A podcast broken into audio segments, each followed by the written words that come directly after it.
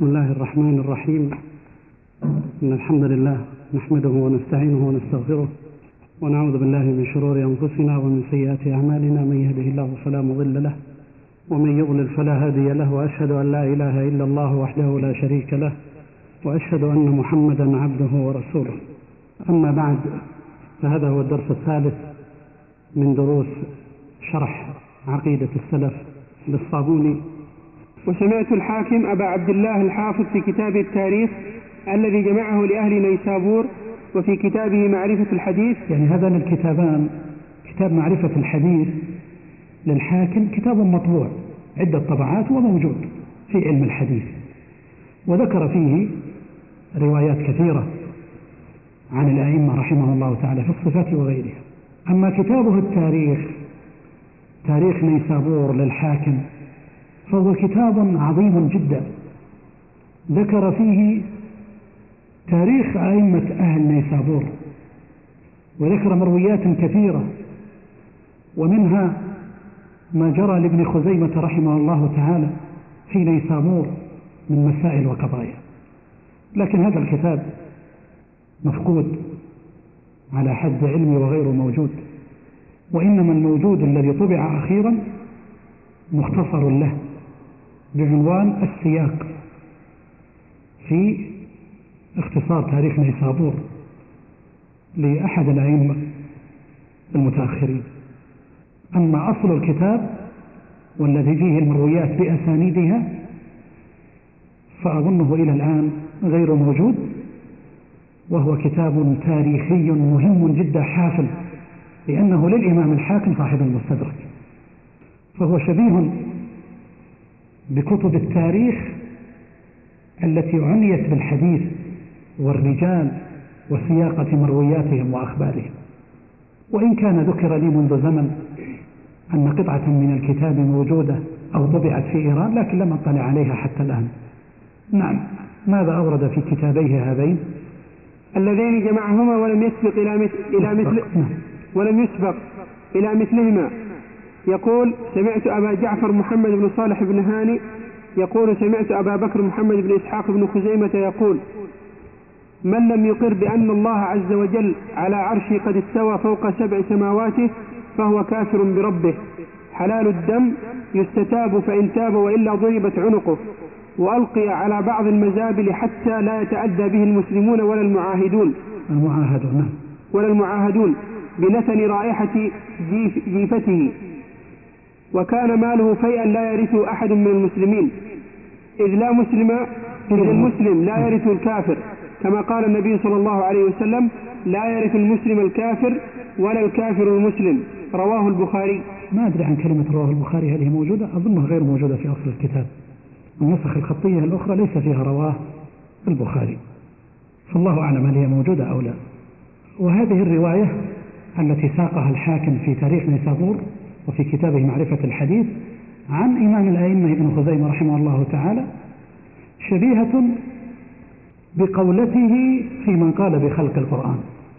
فإنه قال من لم يقر بأن الله عز وجل على عرشه قد استوى فوق سبع سماواته فهو كافر بربه.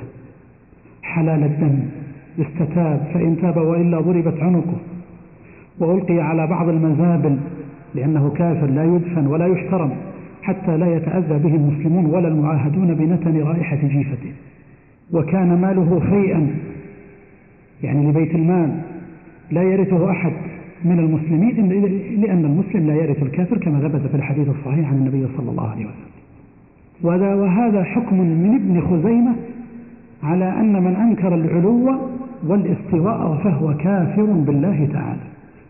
وهذا لا شك أنه رأي لهذا الإمام العظيم لأنه يقول إن أدلة العلو متواترة صريحة في أن الله سبحانه وتعالى في العلو باين من خلقه فمن أنكر ذلك فهو شبيه بمن أنكر ما هو معلوم من الدين بالضرورة. لكن نحن نقول كما قال شيخ الإسلام ابن تيمية لما كثر الاشتباه في هذه المسائل وأدى إلى بعض المقالات المخالفة لمنهاج أهل السنة والجماعة ومنها هذه المقالة كان لابد قبل تكفير هؤلاء من بيان الحق لهؤلاء وإقامة الحجة عليه. قال الإمام ابن تيمية وهو يجادل علماء عصره من الأشاعرة قال لهم أنا لو قلت بمقالتكم لكفرت. وأنتم إذا قلتموها لا تكفرون لأنه قد قامت لديهم شبهة شبهة التجسيم شبهة الجهة شبهة التحيز وقلدوا شيوخهم في ذلك. وإلا فإنني والله لا أعجب أشد العجب لا أعجب أشد العجب أن يضل ناس من العلماء في هذه المسألة مسألة العلوم وأقول سبحان مصرف القلوب كيف تغيب عن بال هؤلاء تلك الأدلة؟ شبهة شيطانية عقلانية تصد مئات النصوص من الكتاب والسنة والفطرة. وهذا يدل على مدى الحاجة في كل وقت وحين إلى تأصيل مذهب السلف والدعوة إليه بقوة. كيف يوجد في الأمة الإسلامية من يغفل عن هذه الحقيقة الكبرى التي لا تكاد تجد صفحة أو صورة من كتاب الله تعالى إلا وفيها بيان جلي لها. كيف يغفل هؤلاء؟ إن هذا لأمر عجب. نسأل الله سبحانه وتعالى أن يهدي ضال المسلمين. نعم تفضل. وإمامنا أبو عبد الله محمد بن إدريس الشافعي رضي الله عنه احتج في كتابه المبسوط في مسألة إعتاق الرقبة المؤمنة في الكفارة. المبسوط هو كتاب الأم لأنه مشهور للإمام الشافعي. الإمام الشافعي له عدد من الكتب منها الرسالة في أصول الفقه ومنها كتابه في مختلف الحديث لكن أشهرها كتاب الأم له الذي جمع فيه أبوابا حافلة في شتى جوانب الشريعة الإسلامية فهو من كتب الفقه المعتمدة عند جميع الأئمة وعند الشافعية بصفة خاصة. نعم. في مسألة إعتاق الرقبة المؤمنة في الكفارة. يعني ذكر أن نعم. غير المؤمنة الرقبة غير المؤمنة وإن حتى النسخة التي معي التي اعتمد عليها الأخ الذي قدم الرسالة للماجستير غير موجود فيها هذا النص. وإنما هذا النص من نسخة أخرى اعتمد عليها محقق هذه الرسالة الأخ الشيخ بدر البدر. جزاه الله خيرا. نعم. لا يصح التكفير بها بخبر معاوية بن الحكم وأنه أراد أن يعتق الجارية يعتق. أن يعتق الجارية السوداء لك لكفارة. وسأل, وسأل رسول الله صلى الله عليه وسلم عن اعتاق إياها فامتحنها رسول الله صلى الله عليه وسلم فقال صلى الله عليه وسلم من أنا؟ فأشارت إليه وإلى السماء يعني أنك رسول الله الذي في السماء. فقال صلى الله عليه وسلم اعتقها فإنها مؤمنة. أعتقها؟ اعتقها فإنها مؤمنة. نعم هذا الحديث حديث صحيح. فهذا الصحابي ذكر له قصة. أن أمة كانت ترعى ثم جاء الذئب وأخذ شاة منها فغضب عليها وصكها صكة فندم على ذلك وأراد أن يعتقها فأخبر رسول الله صلى الله عليه وسلم. فأتى بها إلى رسول الله صلى الله عليه وسلم فسألها الرسول وقال لها أين الله؟ قالت في السماء. قال من أنا؟ قالت أنت رسول الله. قال أعتقها. فإنها مؤمنة. فأثبت إيمانها بإيمانها بالله وأنه في العلو. وهذا وجه الشاهد. والعجيب أن كثيرا من أهل البدع إلى الآن يقول لك لا تسأل أين الله. هذا تحديد للمكان. السؤال بأين الله بدعة؟ لا تسأل أين الله. لأنك معنى ذلك أنك تقول إن الله في مكان كذا أو كذا. ويعجب من هؤلاء أن يثبت في صحيح مسلم وفي غيره عن رسول الله صلى الله عليه وسلم أنه سأل الجارية قائلا لها أين الله؟ فقالت في السماء. ثم سألها عنه فقالت أنت رسول الله؟ فقال أعتقها فإنها مؤمن. فالحديث يدل على جواز السؤال بأين الله؟ وأن يجيب المجيب بلفظه أو بشعرته إلى العلو وأن الله في السماء. والشاهد من هذه الرواية أن اعتاق الرقبة المؤمنة يثبت إيمانها بالإقرار بالله والإقرار بأنه في السماء وهذا دليل على العلو.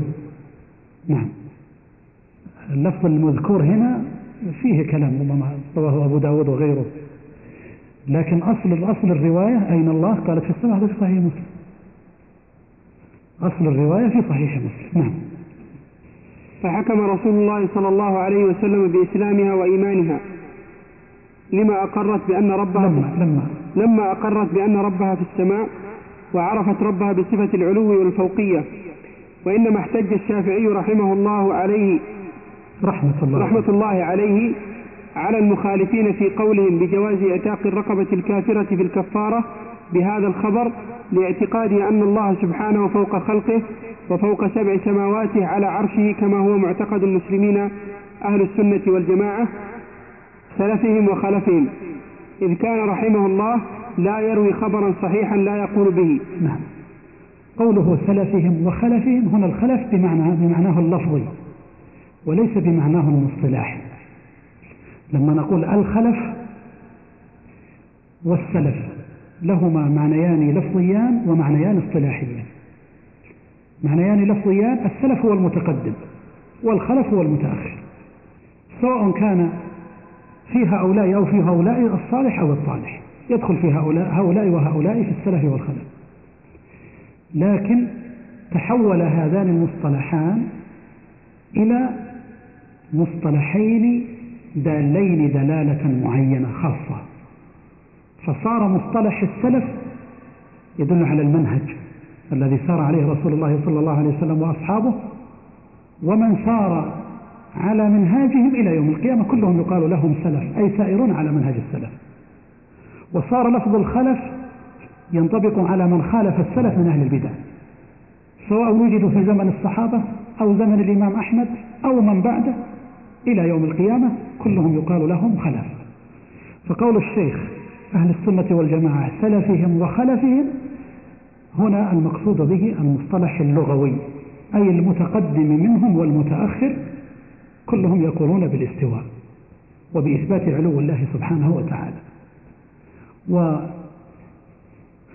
والشاهد منها أن الإمام الشافعي لما اشترط في إعتاق الرقبة والخلاف فيها مشهور بناء على الآيات الواردة في العتق وحمل المطلق على المقيد لما احتج على وجوب أن تكون الكفارة المعتقة مؤمنة دائما سواء كان القتيل من المؤمنين أو من الكفار المعاهدين أو غيرهم كما هو مفصل في الآيات في كتاب الله سبحانه وتعالى. الإمام الشافعي رحمه الله تعالى يرى أنه لا بد أن تكون هذه الرقبة مؤمنة وفي المسألة خلاف. الشاهد هنا أن الشافعي احتج لذلك بما هو معلوم عنده أن الإقرار بأن الله سبحانه وتعالى في السماء على العرش استوى أنه أمر متفق عليه وهو من صفات المؤمنين. وهذا دليل على إثبات هذه الصفة العظيمة لله سبحانه وتعالى.